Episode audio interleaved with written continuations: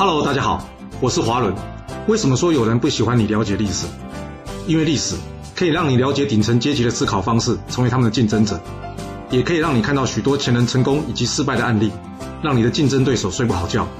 而最重要的是，历史可以让你了解人性。我们刚刚在战国第四十二集故事中讲到，这信陵君建议魏王，不管他如何讨厌韩国，但韩国的存在可以保护住魏国。所以千万不可以联络秦国来攻打韩国，而触龙呢，则是说服赵太后让长安君呢去齐国当人质。另外，春申君则是建议楚国太子熊丸呢冒险逃出楚国。嗯，今天故事的讯息量很大哦。没错，由于历史是浓缩版的人生啊，所以大多只会记载重要的事件。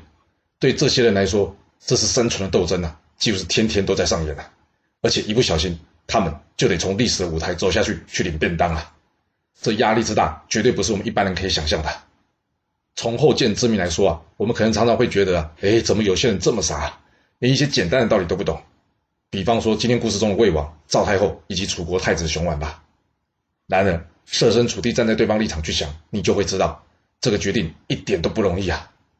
这魏王已经被打趴打怕了，你对他来说，要是巴结秦国了，就可以撑到自己善终，那可能也是个不错的选择，不是吗？但是，要是选择对抗秦国，他就得有扛起压力和牺牲的准备，所以他的想法不是没有来由的。而赵太后也是啊，谁会希望自己小孩上战场或是涉险啊？那既然不想当自己有决定权的时候，当然会投下反对票啊。而楚国太子熊安状况也一样啊，成功逃走了可以当楚王，啊，要是没逃走了，那可能就被人家拿去做肉丸了吧。所以你要这些人如何理智的判断啊？我们能说他们傻吗？这些人。几乎天天都在刀口舔血啊！想要每个决定或是选择都正确啊，其实是非常不容易的。然而，这些浓缩版的人生啊，正可以提供我们一些学习的材料，让我们不用以身犯险，却也可以学习到一些经验。这也是为什么我喜欢历史故事的原因呢。从我国中开始第一次接触《三国演义》以及《东周列国志》起啊，我便深深的被这连续性的剧情给吸引了。然而，我发现很可惜啊，因为大部分历史故事的内容啊。要么不是古文不容易阅读，要么就是什么记载的很片段，没有前因，更别说后果了。更惨的是啊，一谈到教科书上历史啊，很多人的第一个反应就是哦要背啊，很多东西很烦呐。那有没有想过，其实这可能是统治阶级的一种帝王心术啊？为什么这么说？因为要你背诵历史啊，可以让你对自己生长这块土地、种族、文化有基础的了解，进而去认同它，这是统治者需要的。所以呢，需要这个科目，它需要你去记忆及背诵。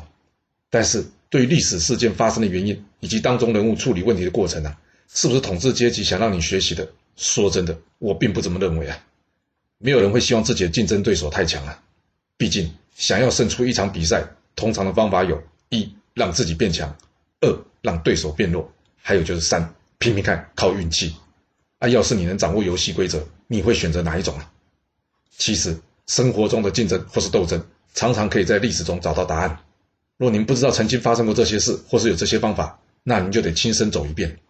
但一个人的一生能有多少次机会去体验各种状况呢？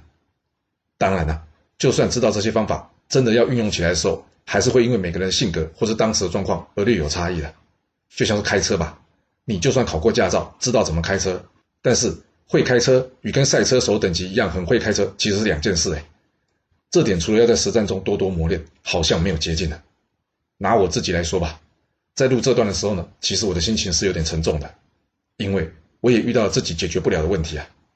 然而老话一句，日子还是要过，人生还在向前啊。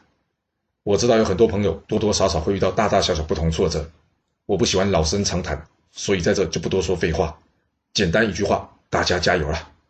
最后，希望我的故事能给大家一点解决问题的启发。这除了是我说故事给我小朋友听的初衷，也是我从国中时期一直的梦想，那就是将这些历史故事用更简单的方式让大家可以接近它，透过接近历史，进而喜欢历史，并进一步去了解它，而从中学习到对自己有用的智慧。您说是吧？若您有其他的想法，也欢迎留言分享您的看法给大家哦。好了，我们今天就先说到这。若是你想要知道完整版的故事内容，欢迎您可以到说明栏中找到我爱故事频道的连结。要是你喜欢这频道，还要麻烦您动动你的手指，点赞、订阅、追踪，或是给我五星评价的支持以及留言分享哦。谢谢您来收听，我们下次再见。